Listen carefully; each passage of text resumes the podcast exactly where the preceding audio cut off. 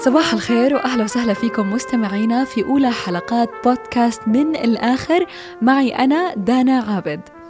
طبعا لا شك إنه في شوية قلق وخوف بأولى الحلقات اللي الحمد لله هي من إنتاجي وإعدادي ولكن بتمنى بالنهاية إنها تنال إعجابكم وتعملوا سبسكرايب.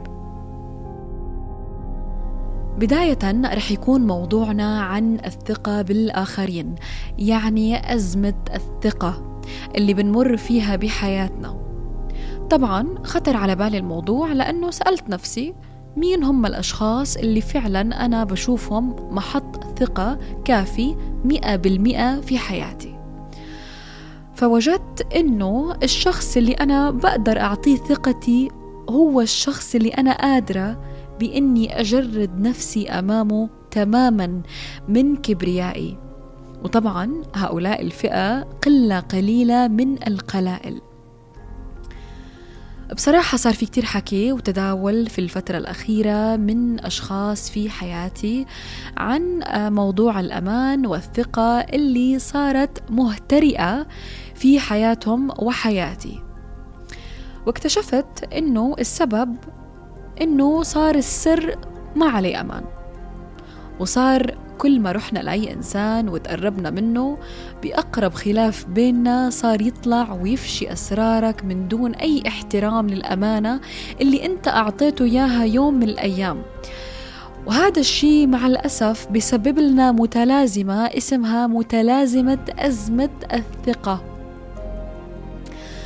موضوع الثقة في حياتنا أصبح أمر صعب. الوصول إليه بل قد يكاد أمرا مخيف جدا جدا. إنك تحافظ على سر غيرك هاي وحدة من عجائب الدنيا بل قد تكون معجزة كمان. إذا في يوم من الأيام وثقت بشخص آه، أو كان عندك شخص أنت واثق فيه بتضلك من جواك أحيانا تدعي يا رب إنه ما يتغير. فعليا أزمة الثقة صرنا نواجهها اليوم وبكثرة. ولذلك عملت شوية بحث عشان أعرف ما هما الأسباب اللي آه، أو العوامل اللي بتأدي الإنسان إنه يكون عنده متلازمة أزمة الثقة.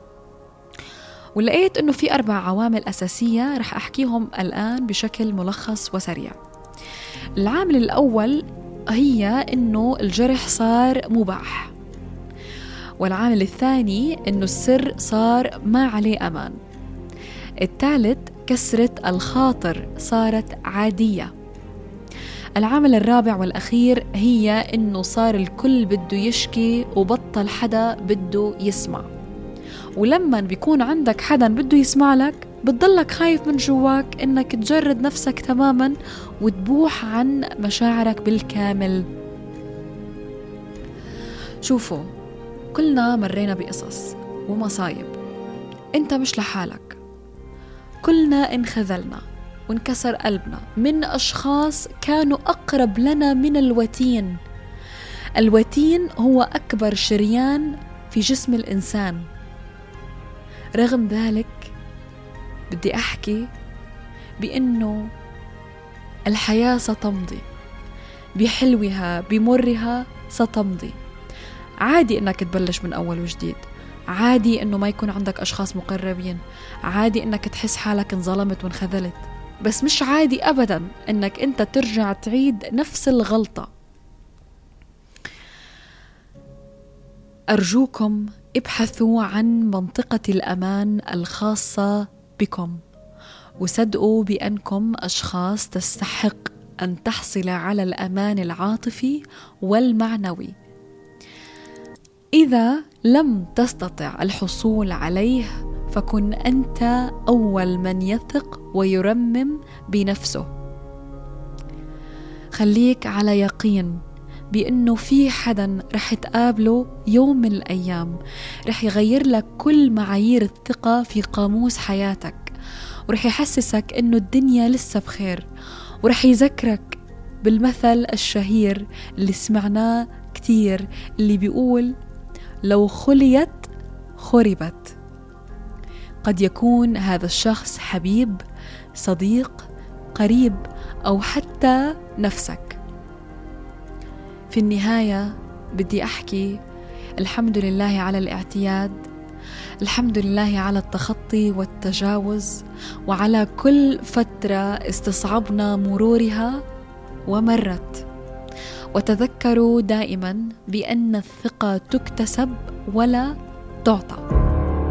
ما في حدا قادر يقشع المشاعر. قبل ما يأمن ويحب